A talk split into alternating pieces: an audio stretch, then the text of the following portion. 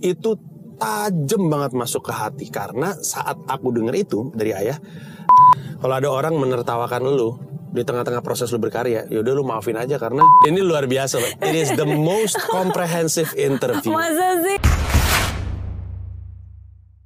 Dan itu yang sekarang menjadi kunci untuk menjadi orang-orang sukses seperti yang Panji bilang bahwa uh, lebih baik sedikit berbeda daripada sedikit lebih baik. ya itu kutipannya Seth Godin sebenarnya Tapi sebelum ada Purple Cow itu juga udah dilakukan di ITB Sudah, kan, maksudnya sudah. ketika Justru kita itu- mengembrace iya, iya, betul. sesuatu yang berbeda, and then nggak ada sekali. judgmental sama sekali, bener betul. gak sih? Betul. Jadi justru baca kutipan itu jadi merasa eh, terbenarkan apa yang selama ini dikerjakan betul, betul. Emang karena Hmm. sebenarnya kan kalimat itu ya sedikit lebih beda, lebih baik daripada sedikit lebih baik. Itu kan hanya mencoba untuk bilang bahwa skill bisa lo asah terus, tapi pada akhirnya ident- identitas lo yang akan berbicara gitu. Nah itu Hmm. itu yang yang rasanya eh, di, dibenarkan di kampus seni rupa bahwa semua orang mah kemampuan lukisnya mah tipis-tipis loh kita sekolahnya bareng semua orang kemampuan bikin patungnya mah tipis-tipis sekolahnya bareng tapi eh, subjektivitas identitas kita yang keluar lewat karya kita itu membuat orang jadi mau beli lukisan ini daripada lukisan ini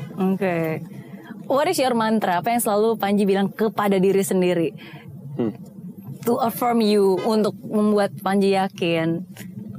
Em, se- sebenarnya ya kata ini tepat atau enggak tapi ini yang aku pegang banget sebagai prinsip ya dan mungkin mantra juga ini ucapannya almarhum ayah dia bilang jangan pernah membunuh mimpi kamu karena mimpi nggak bisa mati. Mau kamu pukul mau kamu tusuk dia hanya akan pingsan dan bangkit di usia kita tua dalam bentuk penyesalan. Itu tajam banget masuk ke hati karena saat aku denger itu dari ayah aku lagi tinggal dengan seorang om almarhum juga yang setiap hari dalam hidupnya itu menyesal. Bayangin hidup satu rumah dengan om yang tiap hari kerja gini kamu tau gak sih itu om kenal itu. Dulu kalau om itu om juga udah kayak gitu. Cuman om aja nggak kayak gitu. Besok juga gitu. "Ah, om kayak gini hidupnya. Dulu om mikir coba om gini-gini. Setiap hari dalam hidupnya menyesal. Denger ucapan ayah. Jangan pernah membunuh mimpi kamu karena mimpi nggak bisa mati. Sekuat-kuat kamu pukul nanti dia bangkit di waktu kamu tua dalam bentuk penyesalan. Wow itu tajam banget. Makanya itu yang memberanikan aku untuk ngelakuin apa pun yang aku mau. Walaupun aku nggak punya kemampuannya walaupun nggak ada jaminan akan sukses dikasih peluang untuk nulis film. Yaudah gue pengen nulis film. Disuruh ngedirect oke gue kerjain. Gue acting oke gue kerjain. Ternyata hasilnya nggak oke ya udah nggak apa-apa. Daripada gue nyesel waktu gue tua coba gue waktu itu ambil ya bisa jadi apa ya gue ngapain gitu. Jadi apa pun yang aku pengen lakukan itu yang aku pegang. Kalau bisa disebut mantra mungkin itu sih. Itu ya. Kalau kita belum sukses, gagal nggak apa-apa. Tapi kan kalau udah punya nama, udah berada di atas, pasti kan orang udah punya certain expectation. Hmm. Terus kalau gagal itu nggak ada rasa kayak you know Ya. like ya betul apalagi komedian ya jadi eh, bisa kita bisa asumsikan Panji sebagai stand up comedian mungkin adalah salah satu nama yang paling sering disebut orang jadi ada ekspektasi kadang-kadang orang kalau nonton Panji pasti ngarepnya lucu tapi sering kali aku juga nggak lucu karena misalnya lagi open mic jadi aku lagi lagi nyobain joke baru. Joke itu susah ya karena kan kita pikir lucu orang belum tentu nangkep lucunya di mana. Jadi ada permain ada aspek teknikal gitu bahasa gitu soal membuat orang ngerti apa yang kita maksud.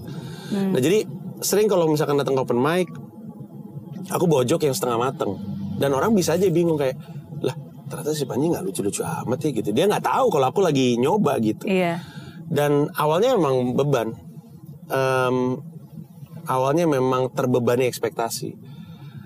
Tapi aku ingat lagi bahwa ya dia nggak tahu sih apa yang beneran terjadi gitu apa yang beneran di dalam diri aku. Jadi lama-lama aku belajar untuk em, let go gitu. Bebannya aku tinggalin ya terserah orang mau ngomong apa gue nggak bisa atur juga omongan orang. Ya udah gue lagi berproses. Makanya aku selalu bilang kalau ada orang menertawakan lu di tengah-tengah proses lu berkarya ya udah lu maafin aja karena kayaknya hidupnya dia tuh terlalu instan untuk memahami pentingnya proses. Dia nggak tahu kalau kita tuh belum belum barang jadi. Kita tuh lagi dalam perjalanan gitu. Jadi ya udahlah biarin aja. Emang di Iya. dunia serba cepat kadang-kadang orang, orang berasumsi semuanya harus cepat juga padahal enggak ada. Ada hal-hal yang harus lewat proses. Hmm, itu yang uh, sangat ditekankan dan diyakini oleh seorang Panji. ya ya Uh, percaya mimpi, percaya diri percaya diri, dan percaya proses. betul Risetnya luar biasa sekali. luar biasa. Sendiri atau sama tim Mbak Mary? Ini luar biasa. It is the most comprehensive interview. Masa sih? Iya, wow, risetnya I'm- paling. I feel so happy. Masa sih? Ini Wah, risetnya terdalam. Thank you, thank you. Terdalam. Thank you. Nggak, tapi aku aku pribadi emang suka kalau misalnya em, tahu cerita orang. Hmm. Apalagi apalagi kalau misalnya aku aku pertama kali baca kan Mas Panji ini kan cerita Hmm. di Impossible Terus gitu. Ayahku seorang insinyur listrik. Waduh, papa juga. Hmm. Bokap juga insinyur teknik elektro. Terus udah gitu eh, ayahku em, dulu ceritakan eh, justru gara-gara ke bisnis jadi bangkrut. Hmm. Betul. Oh, my dad also. Jadi dulu sebagai insinyur elektro kita ker- papa kerja employee di perusahaan internasional, hidup kita nyaman. Tapi begitu dia Mirip persis. begitu dia masuk bisnis ditipu orang, maksudnya wah, Persis. bisnis itu kacau balau. Akhirnya di situlah Iya. mengalami kemerosotan finansial gitu. Terus aku baca juga SMA di Gonzaga, wih sini. Jadi aku pikir, Iya, wow, oke, this is interesting. Jadi aku aku um, memang curious, and then seperti yang kata Panji kan, curiosity kan awal dari Iya, betul. um, sesuatu yang apa pembelajaran itu kan Iya. berawal dari uh, rasa keingintahuan Betul, kan. betul sekali. Gitu. betul sekali. jadi ya gitu. Jadi kita uh, jadi aku. I, I have interest in your story. Iya iya. Dan itu kutipan itu percaya diri, percaya mimpi, percaya proses itu aku sebut di mana ya? Aku juga bahkan gak ingat. Saking banyak yang ngomong suka lupa pernah ngomong di mana. Tapi itu juga kalau disebut mantra itu juga mantra. Dan itu tapi bukan hanya berlaku kepada aku, lebih ke formulasi sih. Orang suka nanya kan, Iya. Bang Panji gimana sih caranya kalau misalnya pengen eh, sukses gitu. Walaupun aku selalu bilang, em, pertama definisi sukses orang kan beda-beda ya. Stres kalau kita merasa sukses itu harus kayak gitu. Tapi apa pun definisi suksesnya itu jalan ke sananya itu itu dari percaya diri, percaya mimpi, percaya proses. Harus dari kita gitu. Yes. Susah kalau ngarepin dibantu orang lain gitu. Aku dalam pengalamanku nggak ada orang bisa membuat kita gerak lebih cepat daripada kesadarannya kita sendiri sih. Susah. Dan terbukti uh, hasil uh, tidak akan pernah mengkhianati proses. Kebalik ya, proses tidak pernah mengkhianati hasil. gak gak benar. Uh, and then you're the first uh, Indonesian yang bisa uh, world tour komedian and then it's really world tour loh maksudnya bukan cuma kayak mampir ke satu satu kota atau satu negara doang tapi yeah. like um, ke mana Australia Iya, Sampai Afrika bahkan. Afrika Iya. Aneh kalau dipikir-pikir. China. Iya. Ngapain jika Afrika ngelawak?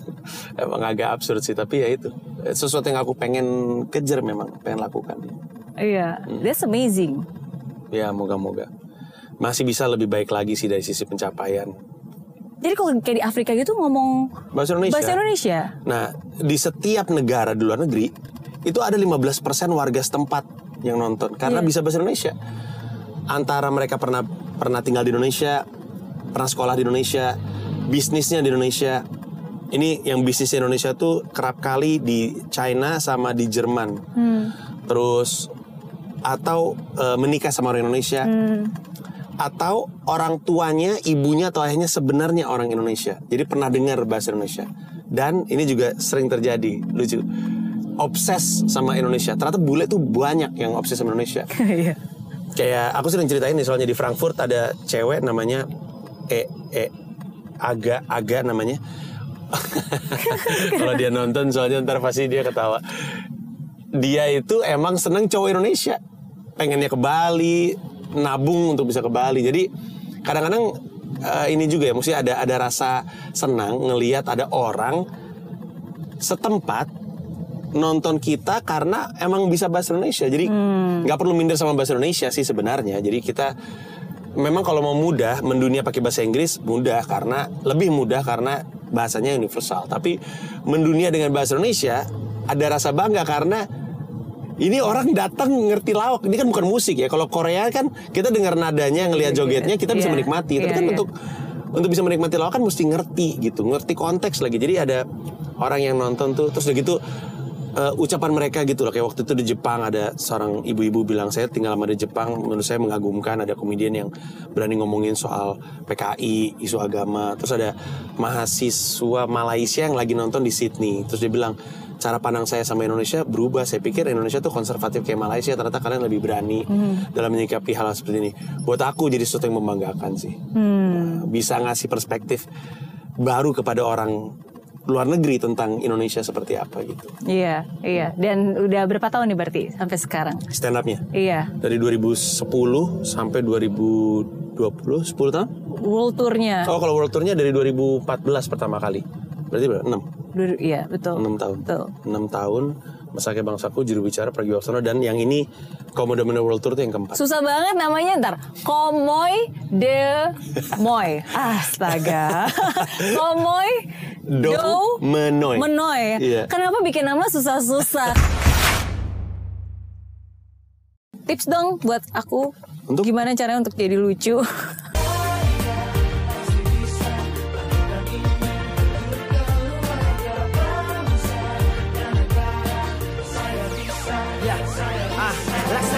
Tanpa hujan, hidup tanpa tujuan, kering dan mati tanpa hijaunya tumbuhan. Ah, demikian kalau mimpi tak kunjung terjadi.